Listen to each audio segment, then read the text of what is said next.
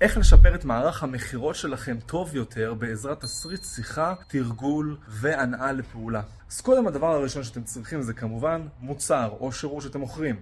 אתם מייצרים לו תסריט שיחה מדויק שאתם כמובן משפרים כל הזמן לאורך השיחות שאתם מייצרים בכל יום.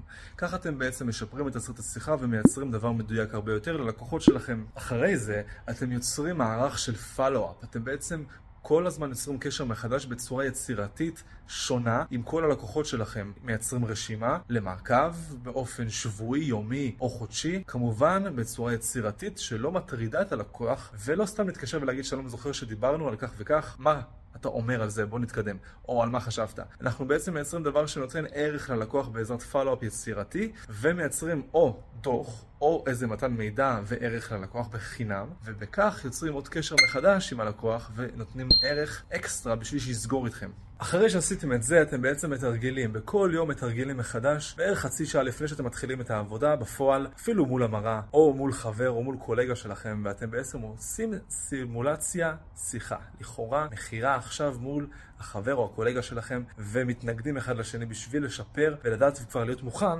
להתנגדות של הלקוח שלכם. בהנעה לפעולה, אתם בעצם מייצרים בכל פעם הנעה לפעולה מדויקת למה שאתם רוצים עם הצעת מחיר. זאת אומרת, המוצר או השירות שלכם, כבר אתם יודעים מראש כמה עולה, מה הלקוח צריך וכמה יעלה לו, לסגירה פה ועכשיו. לא אחר כך, זמן זה פקטור שאפשר להוציא מהמשוואה ולעשות את זה כאן ועכשיו, כי הדחיפות היא נכונה, הלקוח כנראה כאן ועכשיו, כי הוא יצר איתכם קשר או שאתם יצרתם איתו קשר, ואתם יודעים שזה יחסוך לו זמן וכסף אם אתם תסגרו כאן ועכשיו, ויש עוד הרבה סיבות לסגור ואנחנו נעבור על זה במדריך הבא.